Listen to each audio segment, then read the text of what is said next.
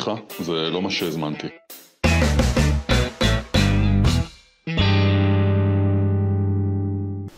מתחילים. כן. שלום לכולם, אנחנו בעוד פרק בפודקאסט, סליחה, זה לא מה שהזמנתי. אנחנו עם טל בשן, טל הוא מייסד בית ספר למנהיגות תודעתית ומפתח שיטת אימפקט. ומה אתם יודעים, יש לו יום הולדת עוד יום, ונראה לי שזה נושא טוב לפרק. לגמרי. אז איך קראת לפרק היום? אה, אז מה אם אתה רוצה? אוקיי, איך זה מתקשר ליום הולדת? לא כל מה שאתה רוצה אתה יכול לקבל. זוכרת את המשפטים האלה? לגמרי. אז מה אם אתה רוצה? ויום הולדת זה יום של אה, משאלות, נכון? כן, וזה מתקשר לך לרצונות? כן, דמיינתי אה, את מחר, את העוגה. זה כבר הגיל הזה ש, שכבר לא שמים אה, נרות כמספר השנים, נכון? יש כבר נרות מייצגים. זה כן. נר לכל, לכל עשור או משהו. אז אני דמיינתי כבר את חמשת הנרות, אחד לכל עשור.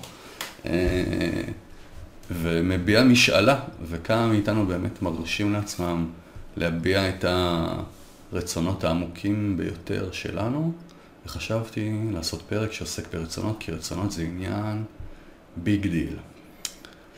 בוא אני אסביר לך כמה הוא big deal, כאילו, נחזור לאדם וחווה רגע, משם התחלנו. מאדם וחווה. הרצון בעצם מתנגש עם המציאות, יש מציאות בחוץ, יופי שאתה מביע משאלה כשאתה אה, מכבה את הנרות על העוגה, אבל המשאלה הזו פוגשת מציאות. בוא נלך בכלל, אם כבר, אה, כבר דיברת על רצון המציאות, בוא נלך ל...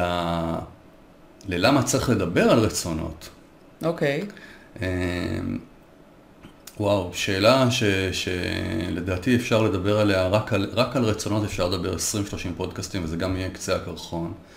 אבל אם אנחנו נרצה אה, לברר אה, מהו המודל הכי רזה של, אה, של התפתחות לכיוון של אושר, מתוך הנחה שאושר זה דבר שמעניין אותנו ושהפודקאסטים האלה בכלל, סליחה, זה לא מה שהזמנתי, מדברים על הפער הזה בין הרצוי לבין המצוי, אז הייתי אומר שככל שבן אדם חי יותר בהלימה עם הרצונות שלו, כלומר המרחק בין המציאות שלו לרצונות שלו הוא מרחק קטן, אז הבן אדם הזה הוא בן אדם מאושר יותר. וככל שהמרחק בין הרצונות של האדם לבין המציאות שבה הוא חי הוא מרחק גדול יותר, הרי שהוא בן אדם שמאושר פחות. הרצונות שלנו, אגב, אני פותחת סוגריים, זה תלוי אה, אה, אופי, אם למשל יש לי אופי כזה שיש לי רצונות שהם אה, נשגבים, או מישהו שהוא עם רצונות אה, קצת פחות, זה, זה גם תלוי מה הרצונות שלי, מידת האושר שלי, או מידת היכולת שלי להגשים את הרצונות שלי. זו ממש שאלה פילוסופית נראה לי, זאת אומרת, בכלל מי קובע מה אני רוצה? האם אה, זה בא מבפנים, זה בא מבחוץ? יש בכלל אנשים שהם מדוכאים ולא יודעים למה, אז אפשר להגיד שהם מדוכאים כי הם בכלל לא יודעים מה הם רוצים.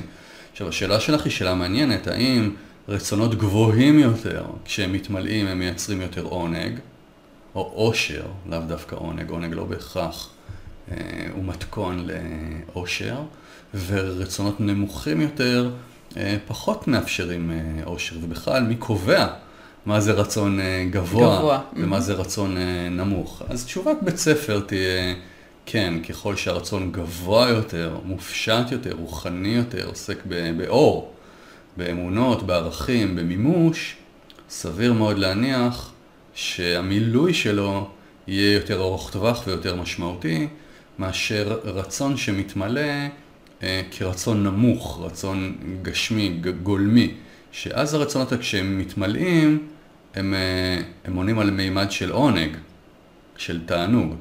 אבל אנחנו כבר יודעים שכשאנחנו ממלאים מימדים של עונג, אה, זה אומנם מסב לנו תענוג רב, אבל זה לא הופך אותנו לאנשים מאושרים. זה יותר אה, ברמה של רגעי.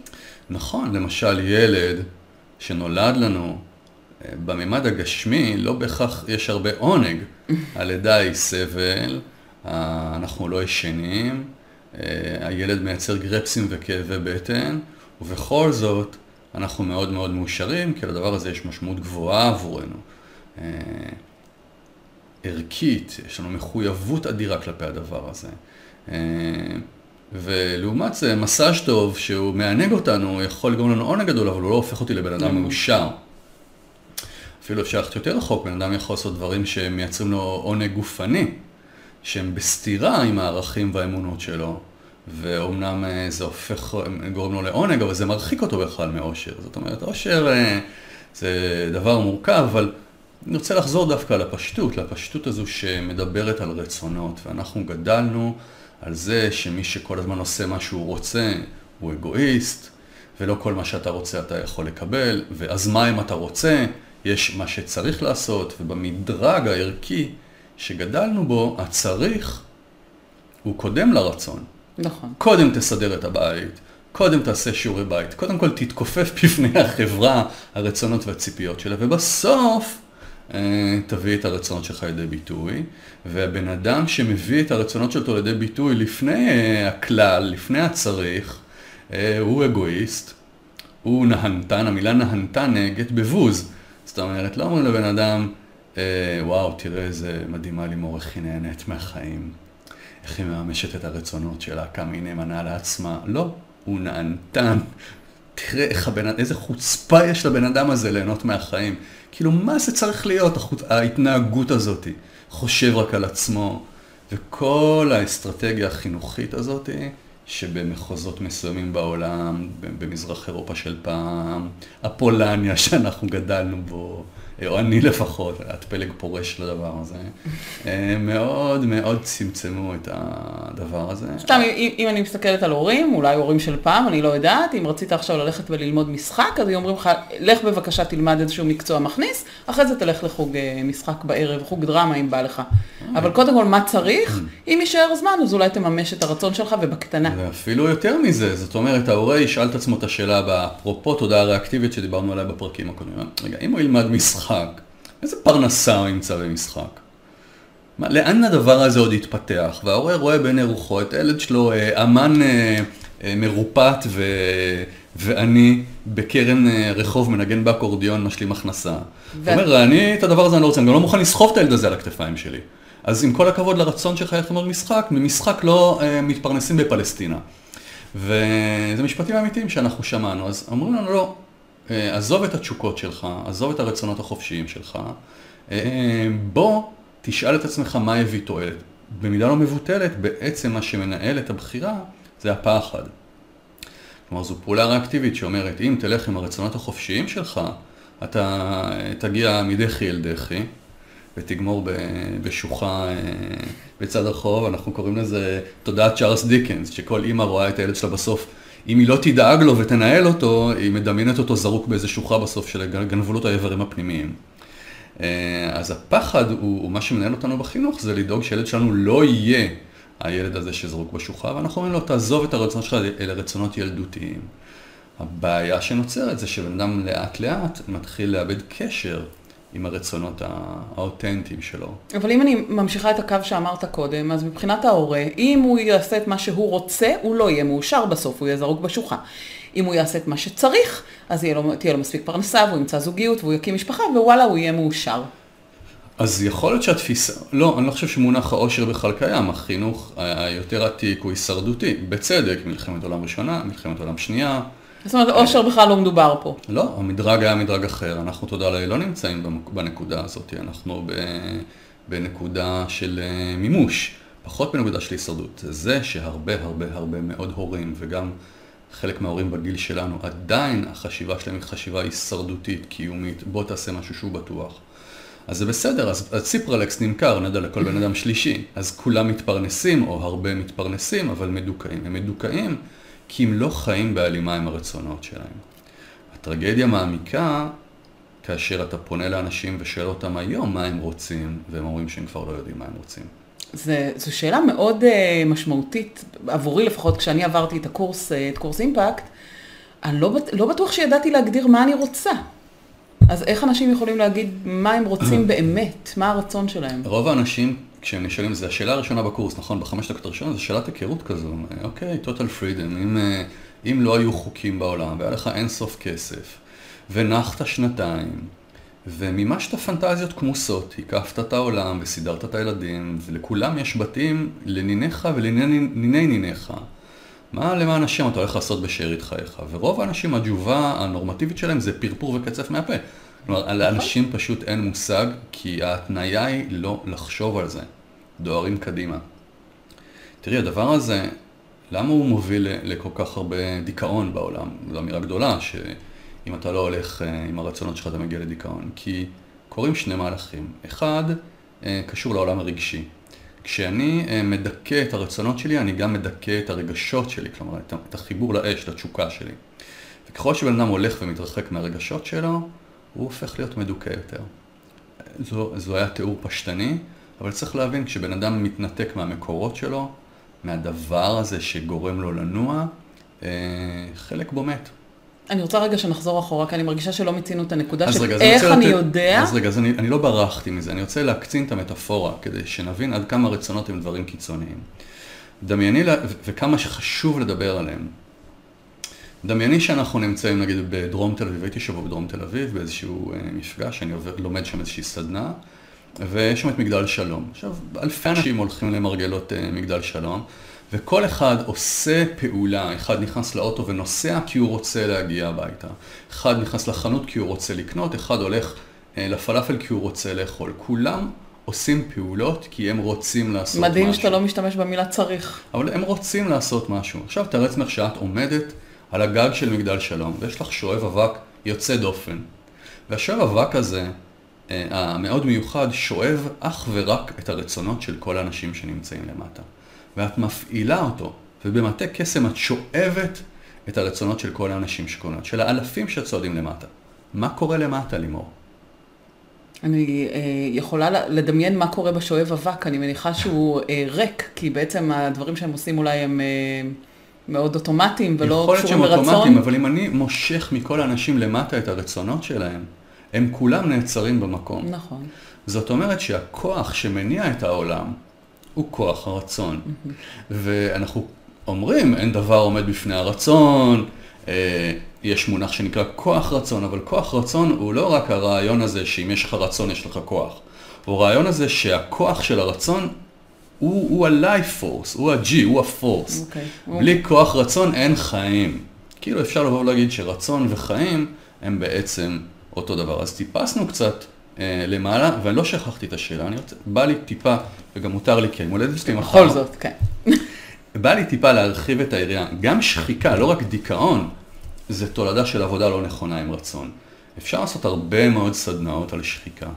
אבל בסוף, אם מנסים להבין שחיקה במקום מאוד מאוד בסיסי, אז שחיקה בטבע מתקיימת כש, כש, כששני כוחות פועלים בכיוונים מנוגדים. מנוגדים. נגיד רוח ו, ו, ו, וסלע, הם פועלים בצירים מנוגדים ולכן נעשית שחיקה, בסדר? מים ואדמה. אה, שחיקה בטבע נעשית גם שיש שני כוחות שהולכים באותו כיוון, אבל לא בהכרח באותו קצב. כאילו שני דברים זזים, קרחון זז נגיד על אדמה שזז, אבל הקרחון זז מהר יותר, אז הוא שוחק. זה בטבע. אה, בפנימיות, שני הכוחות הם רצון ומציאות. זאת אומרת, אם אני חי בהלימה עם הרצונות שלי, אין חיכוך. אין חיכוך, אין שחיקה. אין שחיקה, ולכן אין שחיקה. אם אני אה, עובד במה שאני רוצה, אני לא נשחק. אגב, אם אני עובד במה שאני רוצה, אבל עובד יותר מדי מזה, כמו הקרחון הזה, אז יש שחיקה. זאת אומרת, גם כל סוגיות השחיקה בעבודה יכולים להתמצות בסוגיה אה, איפה הרצון שלך לא מדויק בעבודה, או לא ממומש בעבודה. זה מדהים, זה בעצם הבסיס שעל זה אתה אומר, על זה לבנות מגדלים, לא להתחיל לטפל רק בסימפטומים. נכון. לא, יום כיף בעבודה לא יפתור לי את השחיקה. אין לו שום ערך. אה, סוף שבוע עם בעלי לא יפתור את השחיקה. לא, אין לו שום, מה זה אין לו שום? בוודאי שיש לו ערך, אתה נושם, אתה עושה משהו שיש לך תשוקה אליו, אבל אם אתה בסוף מתוך כל מאה ימים, באחד עושה מה שאתה רוצה, ובכל היתר עושה את מה שאתה צריך, כלומר הכוחות החיצוניים, פועלים עליך. כלומר, אתה מפקיע את הכוח ואומר, העולם כופה עליי לעשות את מה שהעולם רוצה, אז נוצרת שחיקה, וכל סדנת שחיקה שלא תתמקד בדבר הזה ותקרב את העובד לצורך העניין, להיות יותר קרוב אל הרצונות שלו. את העובד, את הבן זוג, את האדם, את ההורה. אז, אה, אז אין למהלך הזה עתיד, סליחה שאני... הורס פה את כל ה... סליחה שאני מורבידי. עכשיו צריך רגע להתחיל ולהבין איפה בעצם אה, הבעיה, איך בן אדם יודע מה הוא רוצה. זה, זה הבסיס. עכשיו, איפה הטרגדיה? הטרגדיה היא שרוב הרצונות שלנו נולדים בדבר שאנחנו, או במונח שאנחנו קוראים לו מיקוד שליטה חיצוני. זאת אומרת, אנחנו רוצים את מה שהעולם מצפה מאיתנו. זה לאו דווקא ציפייה ישירה. זה למשל שאני יכול לרצות אוטו כמו לשכן שלי, כי רק כאשר יהיה לי אוטו כמו לשכן, או יותר משל השכן, אנשים יסתכלו על האוטו הזה, יחשבו שאני תותח, וכשאני אדע שהם חושבים שאני תותח, אני אוכל לחיות בשלום עם עצמי. אתה תרגיש שווה. זאת אומרת, הרצון הזה, למרות שלכאורה אני אמרתי, אני רוצה את האוטו הזה, הוא נולד מהבחוץ פנימה. והוא נולד כדי לחוש ערך. הוא אינו משקף רצון חופשי, איזושהי תשוקה אמיתית שלי. אז פה בעצם אתה מקשר את הרצון למיקוד שליטה חיצוני. נכון. איך אני יודעת... זה נקרא גם רצון ריאקטיבי, כי אני מגיב מבחוץ, אוקיי? ורצון שהוא בא מתוכי? אה, אז אני אתן עוד נגיד דוגמה או שתיים מעולמות שונים, ואז נראה איך אנחנו עושים את, ה, את ההפרדה הזאת.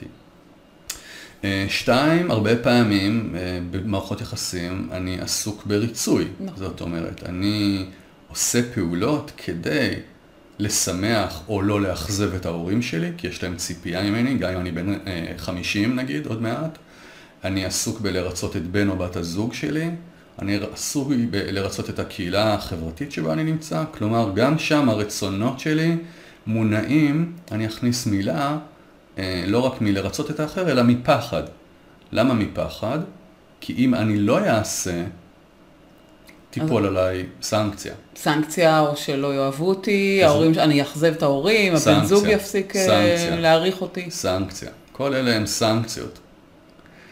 ובעצם אפשר להגיד, אם אנחנו היום במשחקים של כוחות, אז אפשר לבוא ולהגיד שאל מול כל רצון חופשי, שזה לא רצון שמגיע מבחוץ, אה, יש משהו שמעכב אותו. ואם אנחנו צריכים ככותרת לשים את הדבר המעכב הזה, אז נגיד של כל, מול כל רצון שרוצה להמריא, יש בווקטור הפוך פחד שמוריד אותו לרצפה. שאתה אומר, אני לא יכול להרשות לעצמי לעשות את מה שאני רוצה, כי יש פחד שמנהל אותי מלמטה. כי אם אני אעשה את מה שאני רוצה, אשתי תזרוק אותי, mm-hmm. או אם אני אעשה את מה שאני רוצה, הקהילה תדחה אותי. יפטרו הקה... אותי מהעבודה. כן. ואז יוצא שחלק אדיר מהרצונות שלנו עסוקים בריצוי, כלומר בפחד הזה מדחייה, מחוסר שייכות, וחלק אחר קשור לרצון שלי להיות משהו. אני קונה את האוטו, אני אה, אה, מורה טוב כדי לקבל את המשוב, אני עושה הרבה כסף כדי לייצר סטטוס, כבוד, גאווה. זאת אומרת, זה גם כוחות כאלה וגם כוחות שעסוקים אה, בריצוי. ואז אפשר לחזור לשאלה... אה, של מתי אני יודעת שזה רצון פנימי שלי, באמת, לא תלוי בסביבה, תלוי בי. כן. אז הדרך האינטליגנטית לעשות את זה היא למחוק את הסביבה. אה, איך עושים את זה? אני אתן, אה, אני אתן דוגמה קטנה לסיפור, ואז אולי אני אשיג כלי, שזה אולי הכלי של הפודקאסט הזה. כשהייתי, אה, קריירת הייעוץ שלי התחילה מאוד מאוד מוקדם, אני חושב שהייתי בחטיבת הביניים, אז uh, הייתי מאלה שמתייעצים איתם. עניינים שבלב, נכון? 16, 17, חברות, להמשיך איתה, לא להמשיך איתה. ו... אז היו, היו שואלים אותי, תגיד, אני לא יודע, אני לא יודע אם להמשיך איתה או לעזוב אותה, אני לא יודע מה נכון לי, אני לא יודע מה אני רוצה. עכשיו, צריך להבין שכשבן אדם אומר שהוא לא יודע מה הוא רוצה, אז בעצם אין לו עתיד, אוקיי? אז אה, אני הייתי, לקחתי כוס, הייתי לוקח כוס פלסטיק כזו חד פעמית, והייתי אומר, תראה, זה כפתור סודי. אה, אם אתה לוחץ על הכפתור הזה, אה, מיד אתם נפרדים. למחרת, כשאתה פוגש אותה בבית ספר, היא לא מזהה אותך, לך לא כואב, לה לא כואב, ואני גם מבטיח לך שתהיה לך מהר מאוד חברה חדשה שאתה מאוד מאוד תאהב אותה. האם אתה לוחץ? והוא... בום! לוחץ. מה, מה התשאול הזה עושה, והוא מתאים להרבה הרבה מאוד דברים? הוא מפנה את הפחדים. לך לא יכאב, לה לא יכאב, היא לא תזהה אותך ותהיה לך חברה. נגיד שאלה היו הפחדים שלו. כשאני מסיט את הפחדים הצידה, אני, אני משחרר את הרצון החופשי להרים את הראש. כי האמונה שלי, ובכלל בבית ספר, זה שכל בן אדם יודע מה הוא רוצה. יש פשוט הרבה מאוד רעשים שמפריעים לו. אחד הרעשים הדרמטיים הוא פחד. נכון. אה, כשאנחנו מסיטים את הפחד, הבן אדם מיד משתחרר ואומר מה אני רוצה. עכשיו, למה זה כל כך חשוב? כי אם באה אישה ואומרת, אני לא יודעת אם אני רוצה להתגרש, אני לא יודעת מה אני רוצה, אז אין לה עתיד, היא תישאר תקועה במערכת היחסים, נכון? אבל אם היא תעשה את התרגיל הזה ונגיד לה, תראי, את תתגרשי מחר, הילדים שלך יהיו סבבה, את תמצאי אהבה, את ובן הזוג שלך תסתדרו, וגם כלכלית הכל יהיה בסדר. לוחצת, לוחצת או לא לוחצת? היא לוחצת. אם היא לוחצת, זה אומר את הדבר הבא, זה אומר את הדבר הבא, אני יודעת מה אני רוצה לעשות, אני רק מפחדת מהמחירים. וההבדל הוא הבדל תאומי, בין להגיד אני לא יודע מה אני רוצה לעשות, ואז אין, אתה לא פונה לא שמאלה ולא ימינה, ואתה מבטיח סטגנציה, לבין להגיד אני יודע מה אני רוצה לעשות, רק אני מפחד או לא יודע איך להתמודד עם הקשיים. ופה כבר יש נתיב, כי כל מה שאתה צריך לעשות, במרכאות, כל, זה להתחיל להתמודד עם הפחדים והקשיים, כדי לממש את הרצון החופשי שלך. ופה יש לך עתיד. יש משפט שאתמול ביררתי מי, של מי הציטוט, כי אני מצטט את זה מלא שנים, ושכחתי שוב, אבל אני יודע שזה פילוסוף אה, אה, רומי, שאמר שעוד לא נולדה הרוח שתישא את הקברניט שאינו יודע לאן הוא רוצה להגיע. Okay. אוקיי. התפקיד שלנו הוא לרצות, התפקיד שלנו להגדיר רצון ברור. אז אם אותה אישה אומרת, אני רוצה ולא יודעת איך, המציאות יכולה להתחיל לתמוך, חברים יכולים להתחיל לתמוך, המציאות יכולה להתחיל לתמוך, אבל יש רצון ברור. אז התפקיד שלנו הוא לברר מהו הרצון החופשי שלנו. רצית לשאול משהו? אני רוצה לשאול על המחירים. אתה בעצם, כל הפרקים שהקלטנו, אתה מדבר לבוא מאהבה ולא לבוא מפחד, אבל הפחד פה יושב, על, אני מניחה, על מחירים שאני אמורה לשלם לחברה, כלפי החברה, כלפי עצמי, כלפי ה... לא תמיד הרצון הוא משהו שאני, שהוא, שהוא לא גורם לאחרים להיות מושפע, מושפעים ממנו. שני דברים שאני רוצה להגיד. זה מדהים אותי כל פעם מחדש, שכשרוצים לעבור מהפחד לעבודה עם רצון, מדברים על המחירים. ושוכחים לדבר על המחירים של המשמעות של מה שילמתי עד עכשיו ומה אני אשלם עוד 30 שנה קדימה אם אני אמשיך לחיות רחוק מהרצונות שלי. שלי. הרי הטרגדיה הזאת, מילה שאני משתמש בה הרבה, אה, היא עצומה. מה ההבדל בין, בין המחירים? זה שהמחיר העתידי נראה לך היום ומיידי, כי אתה אומר, מחר אני כבר אשלם את המחיר. והמחיר ההיסטורי הוא מצטבר על פני 30, 40, 50 שנה, אבל אם תסכום אותם, לא תמצא אה, פער מאוד גדול. אני מדברת עכשיו במונחים של כלכלה, אז אתה מדבר איתי בעצם על עלות אלטרנטיבית, שבעצם מה המחיר שלי כשאני יוצא החוצה, אתה יודע מה, אני אקח אה, אה, דוגמה. חבר שלי שהחליט לפני כמה שנים שהוא יוצא מהארון, בעצם הודיע לכל העולם שהוא הומו. הוא לא האמין כמה שהמחיר יהיה פעוט לעומת המחיר שהוא שילם עד, אה, עד שהוא היה בתוך הארון. טוב, תראי, פה את הולכת לקראת המאזינים, ובצדק, כי מהניסיון שלנו, שאנחנו כבר אה, עשרים ומשהו שנה פוגשים אנשים, שעשרים שנה לא יוצאים מארון כזה או ארון אחר, ולא מודיעים לעצמם מה הם רוצים, ולא נאמנים לרצונות שלהם. האנשים האלה נדהמים לגלות שכשהם נותנים לגיטימציה לרצונות שלהם, ואחר כך דרור וביטוי לרצונות שלהם, הם המומים לגלות שהמחירים הם מזעריים. העולם לא טורף ולא נושך על הבחירות החופשיות שלנו. בדרך כלל, בדרך כלל מה שקורה, שזה מעורר השראה אצל לא מעט אנשים. ברור שיש מחירים, לכל בחירה יש מחיר. ללכת לסרט זה מחיר, כי אתה לא הולך אה, לתיאטרון, או אתה לא נשאר לאכול אה, קפה ועוגה בבית. תמיד יש מחירים, ולעיתים בוא לא נהיה נאיבים, הבחירות באות גם עם מחירים כבדים. אבל בעיניי הדו-שיח פה היום הוא בכלל על הדרמה שאנשים אומרים, אני לא יודע מה אני רוצה, ובכלל לא מבטאים את הרעיון הזה ולא מצליחים לברר בכלל את הרצונות החופשיים שלו, שלהם. ופה בא לי רגע לתת עוד כלי שבעיניי הוא כלי אה, חד ערכי, מאוד מאוד חריף, שיש לו את היכולת התיאורטית להציל לאנשים את החיים. איך אומרים ב... ב במשימה בלתי אפשרית, if they should choose to, to take it, את המשימה הזאת. הדרך בעיניי הכי אה, ברורה לברר האם הרצון שלי הוא רצון אמיתי שלי, או שהרצון שלי הוא רצון במיקוד שליטה חיצוני, שהתכלית שלו הוא, זה לרצות את האחרים,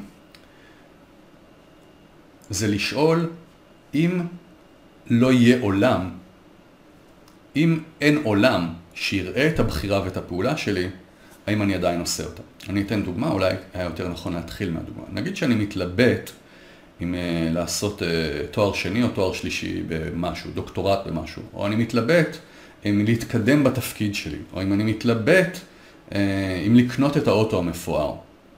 איך אנחנו יכולים לדעת שהרצונות שמנהלים אותנו ביומיום, שאנחנו משקיעים שם הרבה מאוד אנרגיה, הם רצונות במיקוד שליטה פנימי, או רצונות במיקוד שליטה חיצוני. בואו נסביר רגע למה זה מאוד מאוד קריטי. כי אם אני הולך ומממש בחיים רצונות במיקוד שליטה חיצוניים, שהתכלית שלהם היא למצוא חן או להרשים, זה אומר שאני לנצח אשאר ריק, כי אני לא ממלא את התשוקות האותנטיות העמוקות שלי. אני ממלא וקונה את האוטו ועושה את התואר ומתקדם בעבודה ונשאר ריק באותה המידה. איך אני יודע שאנחנו נשארים ריקים? כי מיד אני מחפש את העונג הבא. Mm-hmm. לעומת זה, אם אני פועל, וזה ממש חשוב לי שיבינו, אם אני פועל כדי לממש רצונות פנימיים, רצונות של משקפים תשוקה פנימית, רצון חופשי אמיתי, רצונות במיקוד שליטה פנימי, כשהם מתמלאים, אני בן אדם מאושר ויש לי שקט. אז עכשיו אני חוזר, איך אני יודע האם רצון שלי לדוקטורט, למשרה המתקדמת הבאה או לרכב, זה במיקוד שיטה פנימי או במיקוד שיטה חיצוני? אני פשוט חייב לשאול את עצמי את השאלה, אם אף אחד בעולם לעולם לא ידע שאני, יש לי או שעשיתי דוקטורט, האם אני עדיין עושה אותו? אם אף אחד בעולם לעולם לא ידע שיש לי או שהתקדמתי במשרה, האם אני עדיין לוקח את המאמץ הזה ואת המאמץ הזה עליי? אם אין אף אחד בעולם שידע שיש לי או שאי פעם הייתה לי פרארי, האם אני עדיין קונה את הפרארי? אם התשובה היא כן, גם בהיעדר עולם שיראה, אני עדיין רוצה לבחור את הבחירה הזאת, אז אנחנו מדברים על תשוקה אמיתית, במיקוד שיטה פנימי, ושווה לרדוף אחריה, כי יהיה הרבה מילוי בחוסר הזה. וזה לא חייב להיות תשוקה אה, ברומו של עולם, זה יכול להיות אפילו דברים בקטנה. אני חייבת להגיד שמאז שעברנו את הסדנה, גם אני וגם אה, בני בעלי, שיחיה. שיחיה. אנחנו, זה מאוד, אה, בעצם זה משפיע עלינו בהרבה בחירות, כי תמיד כשיש התלבטות, אז בני חוזר על השאלה הזו, אם לא היה עולם, עדיין היית עושה את זה?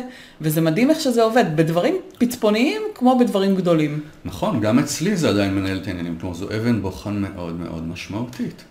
כי אם אני אומר, לא, אם לא יהיה עולם אני לא עושה, אז חסכתי לעצמי מאמץ, כסף וגם ריקנות בסוף, אה, בסוף התהליך. עכשיו תראי, לגבי לענות, אה, השאלה הקודמת שלך שלתה עכשיו שוב פעם, האם יש רצונות גבוהים ורצונות נמוכים? אז התשובה היא כן. אה, אבל אני לא בטוח ששווה לנו אה, לשפוט לפי הפרמטרים האלה. יש חכמים, חכמים באמת, מורים שיגידו, שהרצונות הגשמיים שקשורים לגאווה וכבוד וזה, הם רצונות, לגוף, הם רצונות נמוכים יותר, ממדרג נמוך יותר, ורצונות לרוח ומילוי רוחני והתפתחות רכונית הם אה, קשורים לאהבה והם רצונות גבוהים mm-hmm. יותר.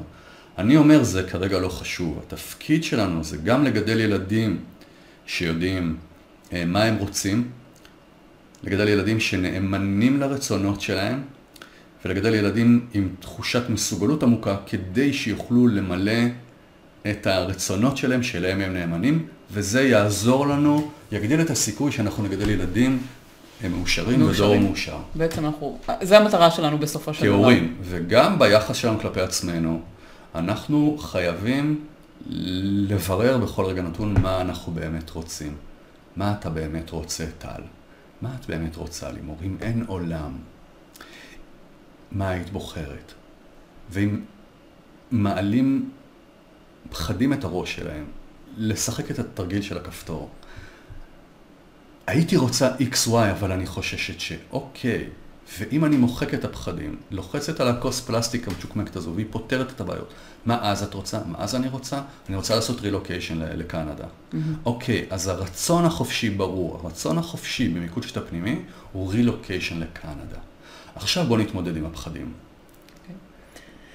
אנחנו אה, נסיים את הפרק בזה, בכוסית פלסטיק, שהיא מבחינתי הולכת איתי הביתה, אה, ואני חושבת שבמקום אה, את השאלה הטריוויאלית, אם לא היה עולם, אז אני פשוט אעמיד כוסית פלסטיק, וככה אנחנו נמשיך מעתה והלאה. בית, כל בית צריך כוסית פלסטיק הזאת.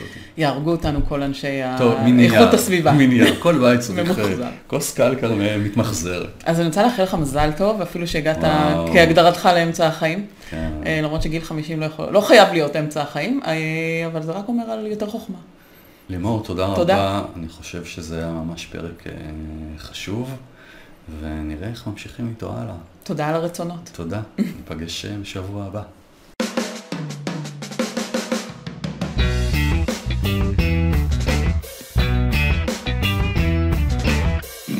סליחה, זה לא מה שהזמנתי.